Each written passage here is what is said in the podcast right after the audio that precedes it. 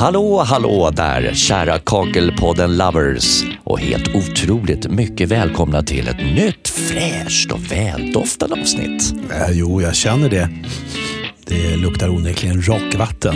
Har du kanske parfymerat allt innehåll idag eller? Japp!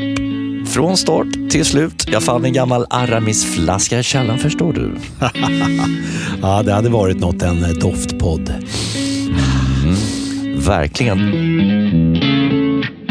Du, jag håller i någonting som inte doftar någonting alls här i min hand, men det känns så ljuvligt på ytan. Jag, fatt, jag fattar inte. Känn här, känn. Mm. Mm, ja, ja, ja, jo. Mm. Eh, alltså det här är framsidan på tidningen Plattform, det senaste numret. Mm. Smek lite mer med fingertoppen. Oh, mm, äh, ja, ja, ja, ja. Och, och så gör det gör detsamma på tidigare nummer här. Ah, vad skönt. Men lägg av nu. Känner du skillnaden? Va? ja, nej, men, men den här är faktiskt den är lite skönare att hålla i. Det är bara, fingrarna bara glider fram här. Ja, det är bra nu. De har bytt tryckeri. Det var det jag ville få fram. Okej, okay, men du, nu slänger vi de här tidningarna åt sidan. Ja, okay. Och dyker rakt ner i avsnittet. Japp, och vi ska snacka tätskikt. Det är ju som bekant A och O för att hindra fukt från att komma i kontakt med vägg och golvkonstruktioner som då inte tål fukt i framförallt badrum och andra våtrum med. Men det används ju i andra miljöer också. Helt rätt, helt rätt. Och det finns lite att reda ut kring det här. Ja, och för att få alla tänkbara svar som behövs för att göra rätt så slog jag några signaler till dem som vet bättre. Thomas Davidsson, tekniker på Bostik. Är du med mig från en telefonlina från Helsingborg? Jag är med och jag sitter väldigt bra till. Ja, vad härligt att höra. Välkommen hit. Du, jag tänker, vi, ska vi börja lite? Jag är intresserad av att höra hur en teknikerdag ser ut för din del, vilken som helst. En teknikerdag för mig på Bostik det är att eh, hjälpa våra säljare eh, så mycket som möjligt med eh, de tekniska aspekterna, hur vi ska lösa olika konstruktioner. Eh, det kan vara allt ifrån spackling, det kan vara till eh, hur man ska göra vid väggnära brunnar och så vidare. Det är väldigt många olika typer av frågor. Och då antar jag att du har ganska bra insyn i dagens tema som är tätskikt. Får ni in några frågor om det? Det absolut kommer in en hel del frågor, eh, både från entreprenörer och från återförsäljare till och med på, från privatkunder. Mm. Finns det någon eller några exempel på vad det kan vara de undrar för någonting? Eh, mestadels i dagens läge så skulle jag nog säga att det, eh, man frågar hur man ska göra anslutningar mot till exempel väggnära brunnar eller också om, om vi har lösningar för att göra en balkong eller terrass vattentät. Eh, och även självklart när vi pratar storkök så kan man ju få frågor hur vi ska, om vi har några lösningar på de typerna av områden också. Vi ska dyka ner i tätskikten strax här. Jag vill bara kolla först, det har ju förekommit en del skepsis i branschen med både ja, snack och skriverier om läckande tätskikt och även konsumenterna fick upp ögonen för det här. Vad föranledde det här? Eh, jag tror att det här, eller jag är ganska säker på att det här ligger eh, ganska långt tillbaks när eh, fortfarande vi jobbade med de rollade tätskikten. Och eh, det gjorde att eh, då fanns det nog en hel del skador. Folk, eller entreprenörerna slarvade med mängder på och tjocklekar när det gäller de rollade systemen. Sen när vi kom in på foliebaserade tätskikten då, eh, helt, då minskade skadorna definitivt men det finns fortfarande barnsjukdomar, om vi kallar det för det, där vi kan göra förbättringsmöjligheter. På eh, bkr.se kan man läsa vilka tätskikt som är godkända, men jag tänkte ändå, vad betecknar ett godkänt tätskiktssystem? Eh, det betecknar att du ska uppfylla kraven eh, som vi jobbar efter, ETA, ETAG 022 eller som det heter idag EAD och då ska vi uppfylla de testkraven som är satta från europeisk sida. Och det kan röra foliebaserade tätskikten och det kan röra de rollade tätskikten så länge vi uppfyller de kravnivåerna som är satta. Och du är inne och nafsar lite på det där. Det finns ju lite olika tätskikt att välja mellan. Ska vi rada upp dem? Vilka är de? Det är foliebaserade tätskikt, eh, eller duk som vissa säger. Och eh, sen har vi det rollade systemet där det är Eh, du öppnar ett lock och sen får du en färdigblandad massa i burken och den ska då appliceras i en viss tjocklek. Och sen har vi då cementbaserade tätskikt som används eh, i de tunga konstruktionerna, till exempel till pooler eh, eller terrasser eller industrikök, storkök så att säga. Det är där eh, vi har de, det är de tre stora systemen. Och jag tänkte vi återkommer till de miljöerna, men om vi börjar lite, om vi går igenom där, vilket eller vilka tätskikt ska man använda till just vilken miljö? Om vi börjar till exempel då i badrummet där vi befinner oss allt som oftast för att njuta. Eh, badrum, ja, då är alltid frågan om Byggkeramikrådet har ju satt eh, kravnivåer att i skivkonstruktioner och eh, träbjälklag så är det det foliebaserade tätskiktet punkt slut. Det är det man ska använda där. Sen, sen finns det små undantag där vi pratar om våtzon 1 och våtzon 2 så det, man kan dela upp det lite mer. Men jag brukar säga det, är det träbjälklag, är det skivkonstruktion, kör foliesystemet. Det är absolut det säkraste du kan jobba med. Är det samma i andra våtrum, typ tvättstugor och pannrum? Tvättstugor, toaletter eller eh, den till liknande områden där det inte har konstant vattenbegjutning. Där kan du alltså mer använda ett fritt tätskikt. Du kan använda rollat system, du kan använda foliesystemet. Det blir ju inte den här fuktbelastningen som är i ett våtutrymme där du konstant duschar. Så där har du lite mer valmöjlighet vilket system du vill jobba med. Eh, om vi lämnar badrummet och går ut ur köket, det är ju inget våtrum i sig, men om vi ska dyka ner i något annat. Storkök nämnde du. Eh, vad gäller där? Storkök, eh, där, där finns det egentligen inga, inga krav från Byggkeramikrådet att du ska använda eh, det systemet eller det systemet utan där är det upp till varje leverantör att tala om vilket system de förordar för de typen av miljöer. Så där brukar man prata om cementbaserade membran där man lägger på i vissa skikttjocklekar för att uppnå eh, rörelseupptagande skikt och tätheter i dem. Mm. Du, våren är inte så långt borta, så är det. Och om vi kastar oss ut på lite andra ytor, typ terrasser och poolområden, vad ska man använda där? De typerna av miljöer, där är vi egentligen i, sam, egentligen i stort sett i samma miljö som vi är i storkök. Där jobbar man oftast med cementbaserade diffusionsöppna eh, tätskiktssystem. Eh, och det, det, blir ju cementbaserat i de flesta fall. Sen finns det de leverantörerna som har foliesystemet utomhus också och även i pooler. Så det, det är helt beroende på leverantören eh, och deras anvisningar. Är det några utrymmen jag har missat som du vill ta upp här? Eh, offentliga duschutrymmen de innefattas inte av eh, egentligen Byggkemikrådets branschregler heller utan då är vi inne på återigen leverantörens anvisning vilket system de tycker att man ska använda för eh, offentliga duschmiljöer eller eh, badanläggningar och dess utrymmen. Mm. Sen har vi ju då de här extremtuffa miljöerna, industrikök och sådana saker. Vi säger där du har eh, jobbat med olika typer av syre, det kan vara mjölksyra och sådana saker. Där är, då hamnar man ofta inne på epoximaterial, epoxitätskikt till och med så att du har både fästmassa och tätskikt i en och samma produkt. Men det är de här extremtuffa miljöerna. Just det. Eh, jag är ju som alltid lite novis, men lär mig för varje avsnitt. Men ordet omtäthet dök upp hos mig. Är det någonting, ska vi, ska vi reda ut det där men jag ändå har det på tråden? Omgenomgångsgenomsläpplighet, det är eh, någonting när Boverket har satt ett krav som heter en miljon sekund per meter som ett minimikrav för våtutrymmen eh, bland annat. Och då gör vi alla leverantörer när vi testar våra produkter så gör man en ånggenomgångsmätning på det där och ser hur täta våra produkter är och då får vi fram olika värden på det. Det är egentligen en siffra. Jag menar, det är svårt att förklara den på annat sätt att eh, ju högre siffra man har ju bättre är det så att säga och ju tätare är produkten. Det är väl det enklaste man kan säga. Bra, då har vi rätt ut det också. Thomas Davidsson, tack för att du tittade in i podden och delade med dig. Ha det gott! Tack så jättemycket. Hej då.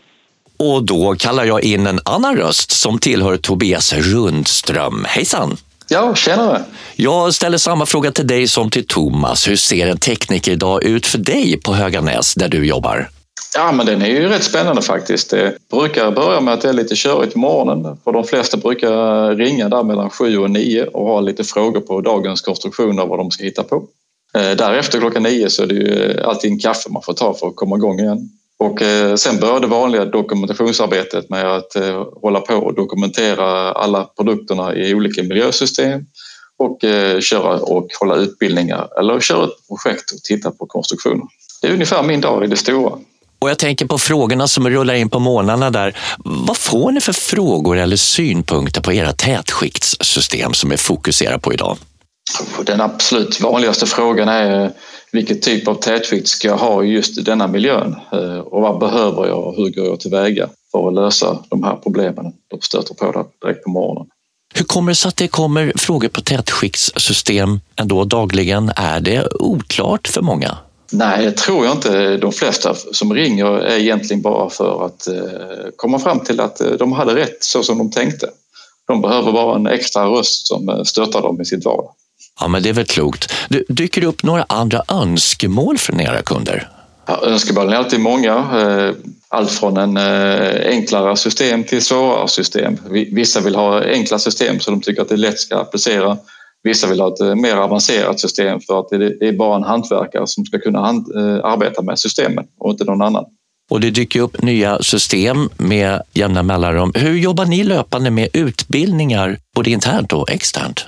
Uh, utbildning på tätskikt och även fästmassa och fogning är ju A och O i vår bransch och internt så, så håller vi utbildningar ganska frekvent både med, med kundtjänst och sälj just att få dem att förstå det här med hur komplext det kan vara ett badrum och ge eh, kunden största möjliga eh, stöttning. Är det någon miljö där ni behöver lägga lite extra energi på att utveckla er? De svåraste miljöerna egentligen det är när vi ska tätskikta källare för där helt plötsligt ska vi blanda olika tätskikt, allt från foliesystemen till diffusionsöppna tätskiktsystem och då kan det bli lite komplext. Är det genomgående så att ni säljer foliesystemet mer istället för rollade, har jag tänkt på? Eh, det foliesystemet är ju absolut mer eh, som vi säljer av. Eh, det är ett säkrare system och det är ett bättre system. Och eh, vi förordar eh, foliesystemet absolut i våra badrum, både i massiva konstruktioner och i skidkonstruktioner. Om vi ser framåt, hur ser det ut kring utvecklingen av era tätskikt? Utvecklingen går ju framåt hela tiden. När vi tittar på tätskikten Eh, tittar vi i dagens badrum så kommer det nya, nya saker som ska monteras i våra badrum och nya eh, produkter som vi ska säkerställa för vidhäftning med, med våra tätskikt. Allt från skivor till, till VVS-produkter. Så utvecklingen sker kontinuerligt hela tiden framåt. Är det någonting som dyker upp inom en snar framtid som du vill hinta om? Ja, men tittar vi framtid Eh, det som kommer på tapeten det är ju att eh, våra tätskiktsystem ska vara mer eh, miljövänliga, miljöanpassade. Så det man tittar på det är att man ska använda återvunna produkter för att göra systemen mer miljövänliga. Just det, har det efterfrågats mycket? Det gör det, framförallt på föreskrivande led och projekten som ska bedömas inom, inom miljöbyggnad eller svanen. Och där har vi en stor efterfrågan.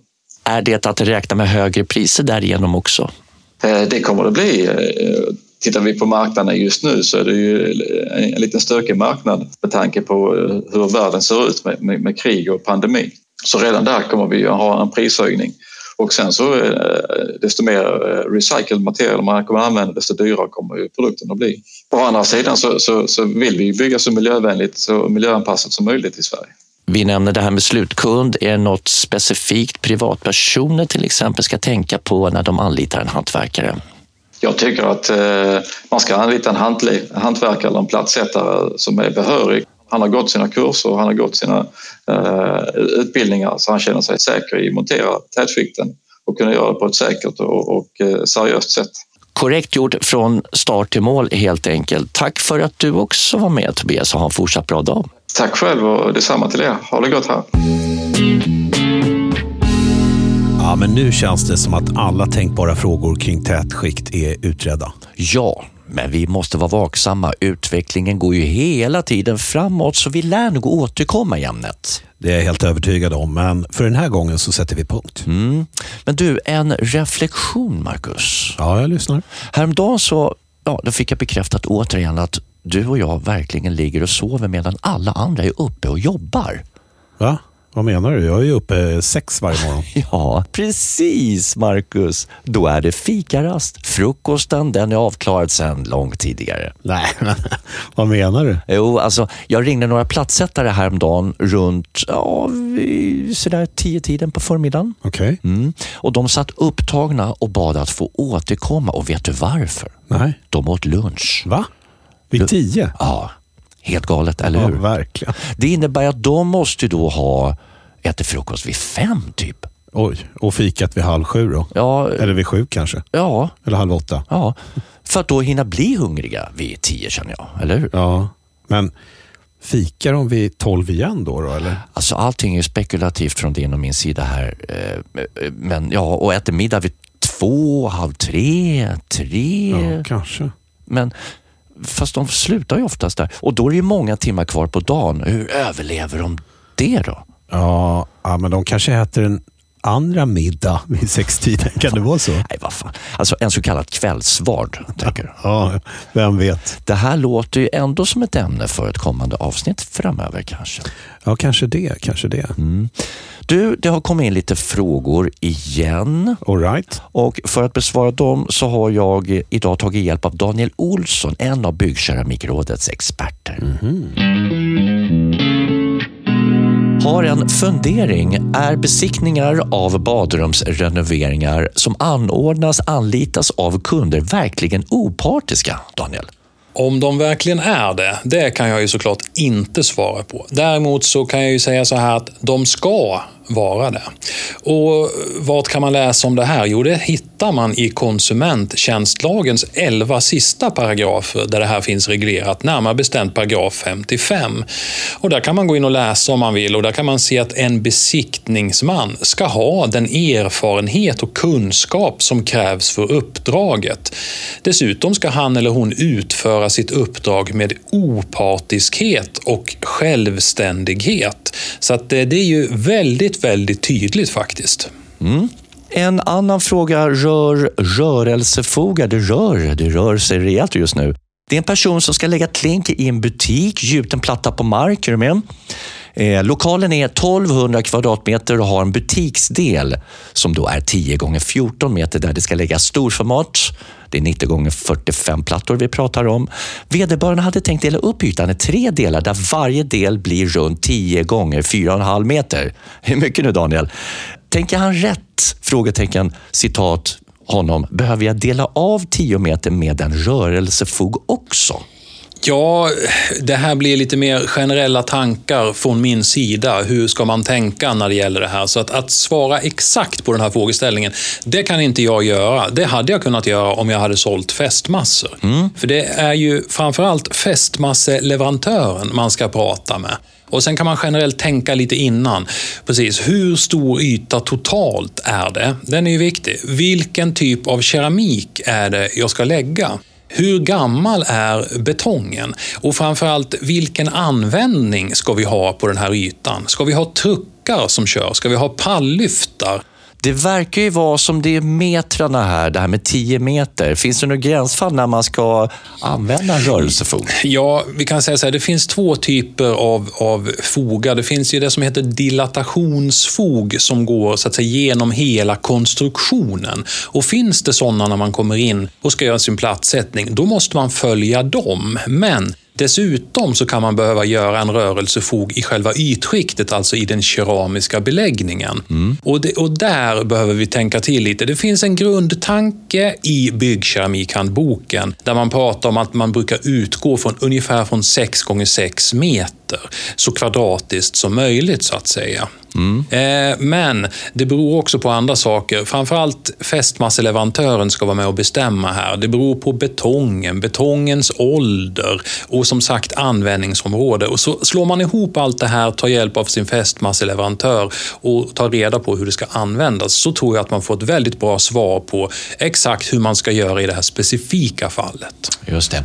Eh, och det här som i andra fall också, är det något frågetecken, då ska man alltid kontakta sin leverantör. Ja, det tycker jag alltid man ska göra, annars tar man ju helt onödiga risker. Eh, det är ju bara dyrt att fixa till någonting. Sen finns det andra lösningar här också man kan ta hjälp av. Det finns frikopplingsmattor, eh, det finns, det finns eh, olika konstruktioner, man kanske ska ha en flytande konstruktion. Alltså keramiken i sig håller ju hur länge som helst och, och, då kan den ju få göra nytta så att säga genom att hålla och, och, hålla sig på plats. Så vid en bra och korrekt installation kan man säga att totalt sett så håller ju det här nästan hur länge som helst.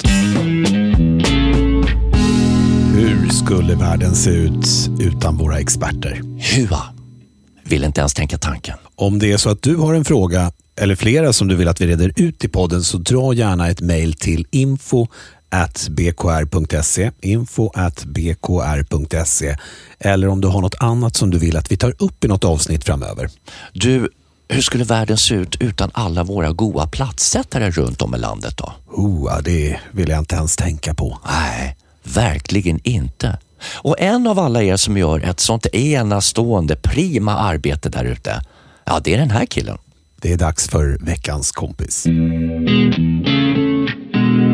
Tobias Tobbe Yngvesson, välkommen in i podden. Tackar, tackar. Du arbetar på Sjökvists Murning AB i Oskarshamn. Har jag prickat rätt där? Helt korrekt, helt korrekt. Mm. Hur länge har du jobbat som platssättare då? Eh, jag började tidigt. Eh, jag började faktiskt när jag var 13 år. Eh, och det hela kom av att min kära far äger företaget och då var det enkelt att hoppa in och tjäna några extra kronor på alla lov. Så jag fick gå in i gamet ganska tidigt.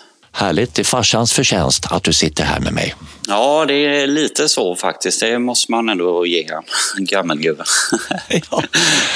Och det är ju en ganska lång resa som inte har varit helt friktionsfri misstänker jag. Det är därför jag plockar in dig. Har du någonting att berätta som har hänt som inte var så kul när det hände, men kul att berätta om idag? Ja, men det, det, det klassikern med, med flytspackel är oftast då det kan hända det ena och det tredje. Och det här var första gången när Thomas, min så kallade läromästare som var då, tänkte att nu, nu är det dags för dig Tobbe att prova att flytspackla själv. Och jag tänkte att ja, det är klart som fan är min tur att börja, börja spackla. Man hade ju eh, självförtroende som räcker till en hel familj, höll jag på att säga. Men, ja. Så man körde ju på där och det var ju allt från primning till nätning och så skulle jag ju täta runt eh, WC-stolsröret. Där brukar alltid vara lite större hål. Men så var det ju nygipsat. Eh, hela huset skulle renoveras så det var ju verkligen tips. Och så jag tänkte, vad fan, vi brukar ju alltid dra en silikonsträng nere mot, mot backen. Men det här var ju så jäkla tätt så att ja, jag sket i det. För det, det är ju tätt liksom. Snickarna har gjort det exemplariskt jobb. Så vi körde på där, jag och Thomas, och ja, det flöt ju på hur bra som helst.